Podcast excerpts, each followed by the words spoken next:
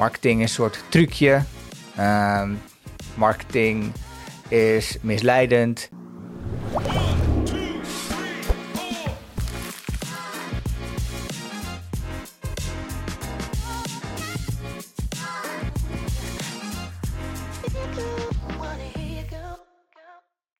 Welkom bij een nieuwe aflevering van de Marketing in Tech podcast. Vandaag gaan we het hebben over het reputatieprobleem van marketeers. Maar Chantal, voor we de inhoud induiken, starten we altijd met de vraag: wat is je deze week opgevallen? Uh, dus ja, dat zou ik eigenlijk uh, van jou willen weten. Is er iets wat jou is opgevallen wat je met de kijkers zou willen delen? Ja, zeker. Um, ik zag afgelopen week best wel veel uh, posters langs de weg staan van de boer-burgerbeweging. En um, ja, zij hebben best wel een grote zichtbaarheid. Ik ben op een gegeven moment een ritje gaan maken van ongeveer drie kwartier. En toen heb ik wel dertien van die posters geteld. En toen dacht ik, hoe krijgen ze dat nou voor elkaar? Want waar zag je die staan? Ja, eigenlijk langs alle snelwegen en N-wegen. Ja, misschien om, ook omdat ik erop let. Maar het viel mij in elk geval heel erg op.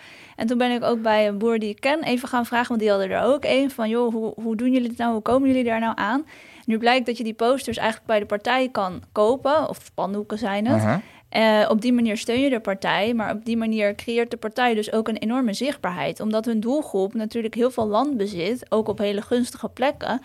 Uh, creëren ze een hele organische zichtbaarheid met uh, die posters. En ik vond het heeft natuurlijk in die zin niet zo heel veel nu met IT-marketing te maken, maar wel met een organische manier van een groot publiek bereiken. En ik denk dat andere partijen daar niet op die manier zoveel zichtbaarheid aan kunnen geven. In elk geval niet met uh, lage kosten. Tenzij dus ze Tenzij ze de boeren als uh, kiezers weten te mobiliseren. Ja, ja, ik heb nog geen andere uh, partijen in weilanden uh, nee, precies. Zien, zichtbaar zien zijn. Ja, ik vind het wel leuk. Dus. Ik zie opeens ook een ander businessmodel voor me voor het boerenbedrijf. om daar allemaal spandoeken, gewoon marketing-uitingen. het zou misschien een dingetje zijn met vergunningen en zo.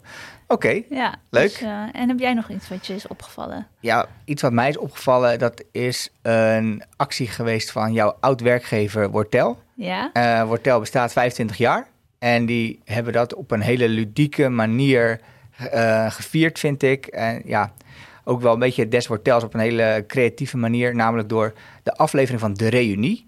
Ja, dat is een NPO-programma.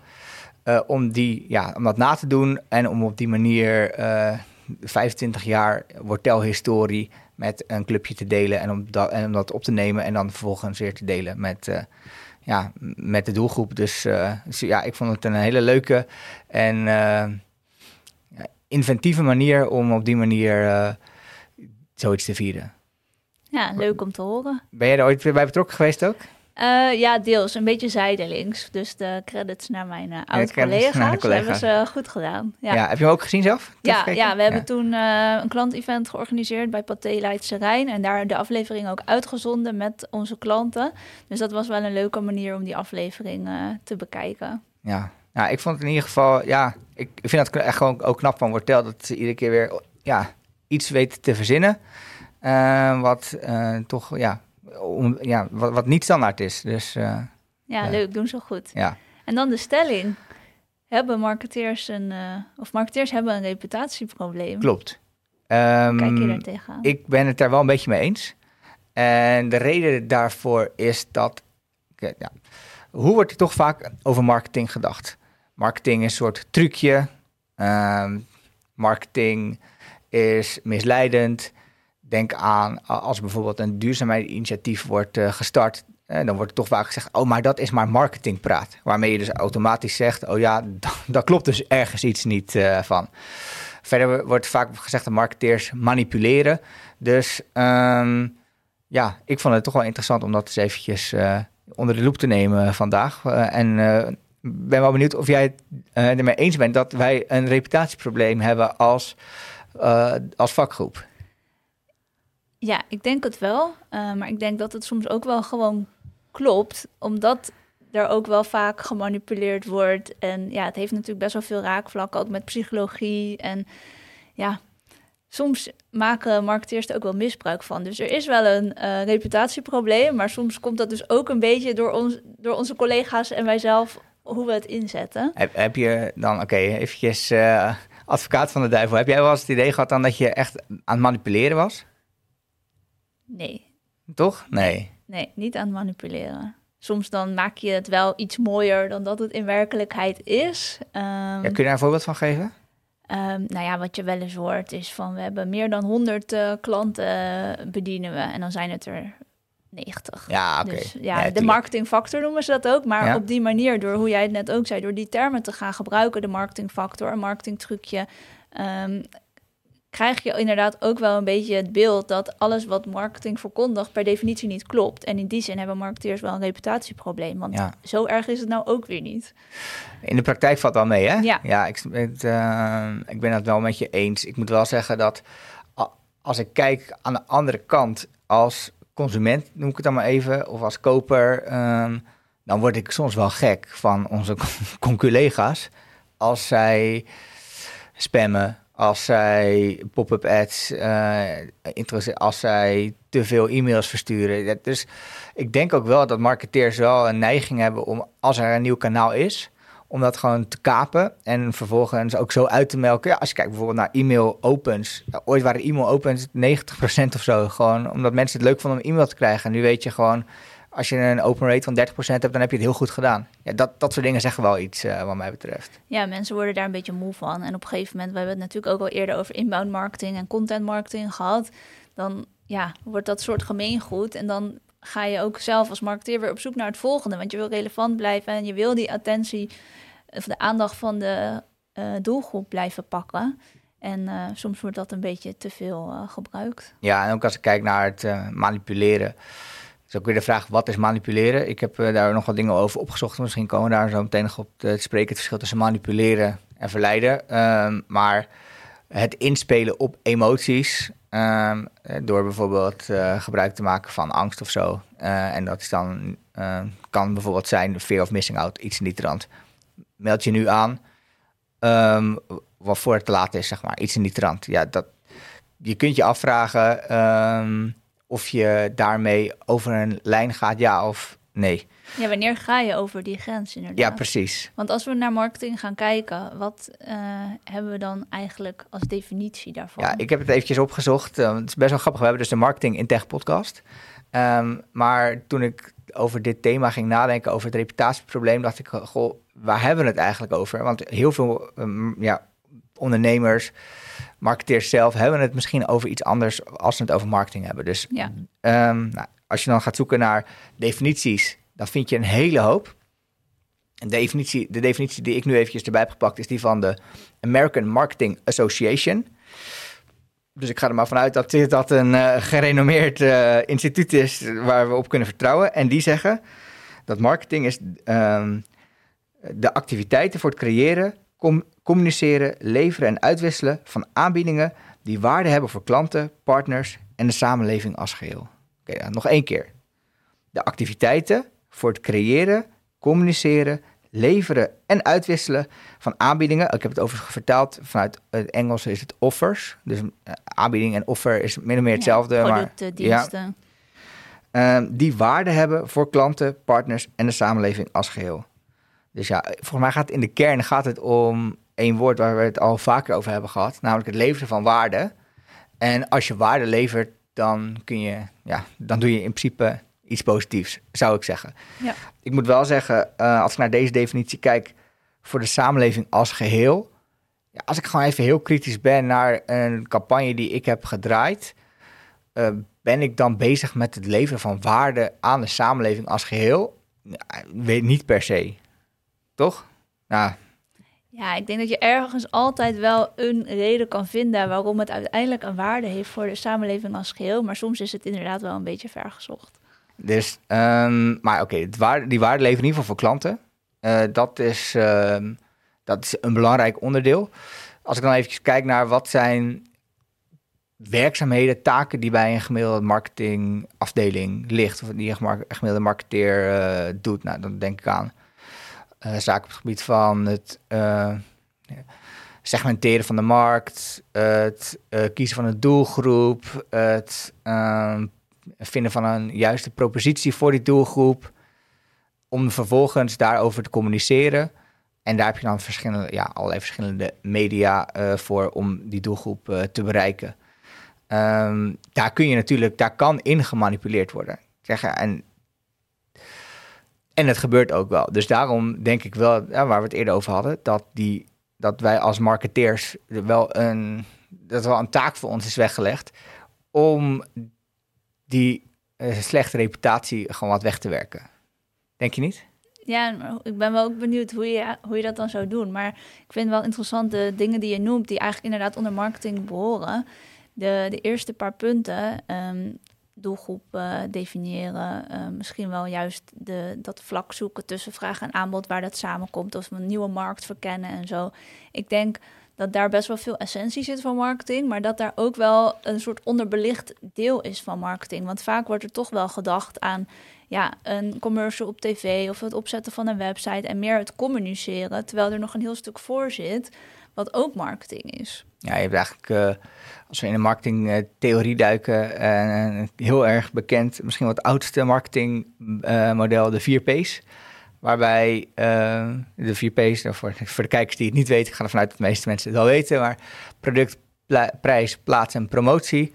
En eigenlijk is promotie datgene wat de meeste mensen als marketing zien. Terwijl je hebt dus ook nog die drie andere elementen waar product een belangrijk onderdeel van is. En ook misschien het stuk promotie, waar uh, met name dat reputatiestukje of probleem zit. Ja. Um. ja, iets anders wat ik ook nog uh, interessant vind. Um, we hebben het gehad over dat we het zelf ook irritant vinden als we gespamd worden. Tegelijkertijd weten we ook uit de ervaring dat um, een lead of een prospect ja, soms wel meer dan 20 touchpoints nodig heeft voordat ze converteren. Ja, um, is het dan irritatie? Is het dan irritant? Of is het toch op die manier waarde toevoegen voor de een en irritant voor de ander? En dan moeten we toch, ja, dan hebben we uiteindelijk toch een commercieel belang. Dus zetten we het toch in. Ja, ik denk dat dat ook prima is en heel goed. Want uiteindelijk heb je inderdaad dat commerciële belang. Maar waar we als marketeers wat meer naar kunnen gaan kijken, is, we gaan het later ook nog een keer hebben over bijvoorbeeld marketing automation en zo.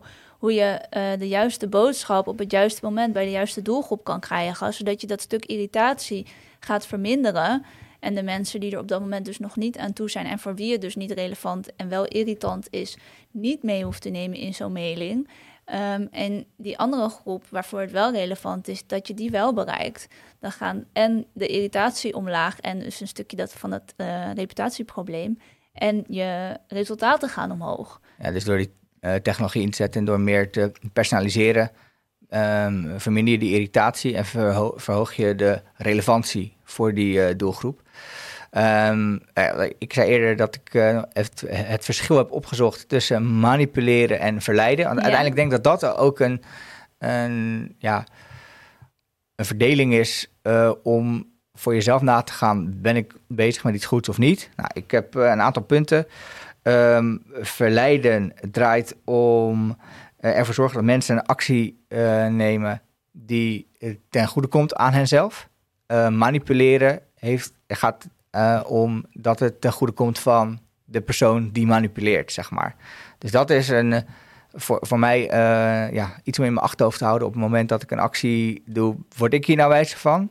Of wordt die potentiële klant hier nou wijze van. Ja, of misschien allebei. En dan gaat het dus weer om dat stukje waarde. Van zit die waarde voor de eindklant daar dus in of niet? Precies. Dus daarom uh, voor mezelf hanteer ik uh, de... Dus ook misschien voor kijkers die met deze vraag worstelen.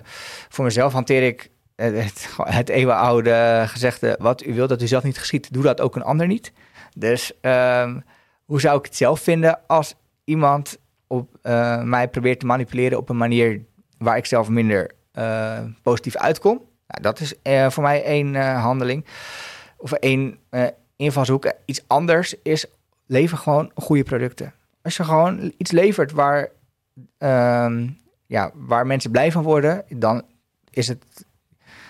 Ja, dan is, de, dan is de uitkomst sowieso al een stuk positiever dan wanneer je iets levert waar mensen eigenlijk gewoon helemaal niet op zitten te wachten. Ja, dat is misschien wel een minimaal vereiste. Maar ik kan me ook voorstellen dat als er twintig aanbieders zijn die allemaal iets leveren waar uh, wat een probleem oplost van de klant, wil jij je als leverancier toch gaan onderscheiden en misschien dat verleiden wel gaan inzetten om ja, net degene te zijn die dus gekozen wordt.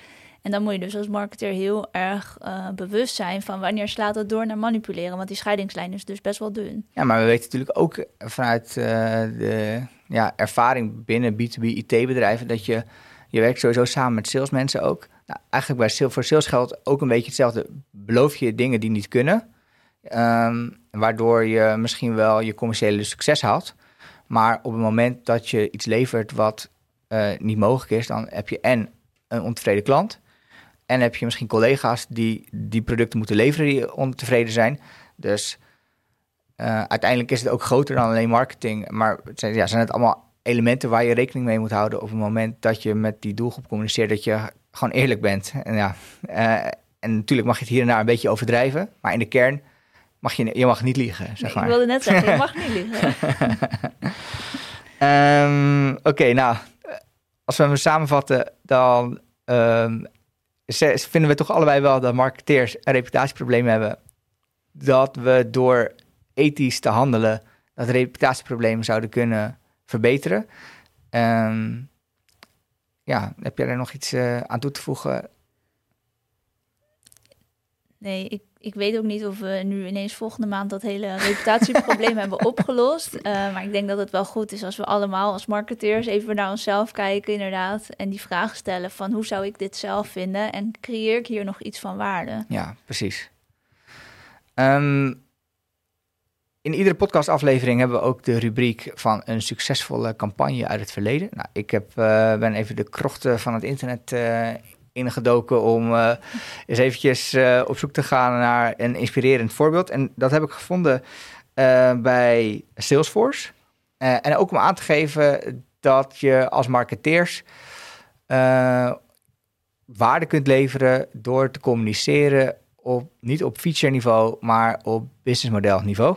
En in 2008 startte Salesforce de, de campagne um, No Software. Of de End of Software. Ja, de, ehm, en de End of Software hield op dat moment in. Je had natuurlijk de opkomst van de cloud.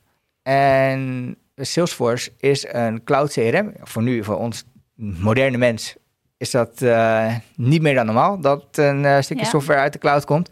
Maar destijds ja, we draaiden alle software gewoon nog on-premises. En ja, was je CRM, stond gewoon uh, lokaal op je, op je ja, het best uh, stond die lokaal op een server. En eventueel stond hij zelfs lokaal op je computer geïnstalleerd. Ja, want je belangrijke klantdata ga je niet in de cloud zetten. Ja, exact, exact.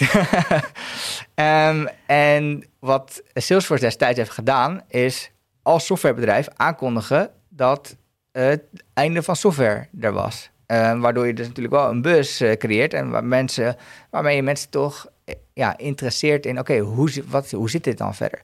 En uh, ja, ik denk dat Salesforce een van de iconen is in, de, ja, in, in, de opkomst van de cloud. En tot op de dag van vandaag gewoon een van de grootste softwarebedrijven ter wereld. Ja, en voor die tijd een hele vooruitstrevende en gedurfde campagne een hele, ja, voor die tijd een hele vooruitstrevende en gedurfde campagne. Ja, en het is wel grappig om dat iedere keer erbij te zeggen voor die tijd. Want, nou ja, uh, nogmaals. het klinkt nu, alsof het honderd jaar geleden is. Het dat is, is gewoon het niet eens. Tien jaar geleden was het, uh, ja, tien jaar geleden deden we al campagnes over. Um, misschien moet je naar de cloud. En uh, tot op de dag van vandaag zijn er nog steeds dat soort gesprekken gaande in heel veel organisaties. Ja. En heb jij nog, uh, als je terugkijkt naar je eigen afgelopen week, nog een les of een succes dat je wilt delen? Ja, ik vind het wel leuk om het even te hebben over mijn rol als uh, zelfstandige. Ik uh, werk natuurlijk als zelfstandig marketingadviseur. En wat ik heel fijn vind daaraan is dat ik me echt bezig kan houden met de marketingkant. En minder met de interne politiek van de klant. Mm -hmm. um, maar tegelijkertijd moet je ja, uitkijken dat je er niet toch in wordt meegezogen. Dus uh, het vinden van de balans tussen uh, ja, voldoende mee kunnen draaien met de organisatie, maar tegelijkertijd voldoende afstand houden. Ja, dat is een balans die ik iedere keer nog, uh, ja, waar ik uh, soms iets meer de kant van het meegezogen worden in de interne politiek. dus dat probeer ik zoveel mogelijk te voorkomen. Maar, dus dat is een les die ik voor mezelf heb getrokken om daar altijd scherp op te zijn. Ja, dus daar ga je weer meer op letten. Precies. En jij?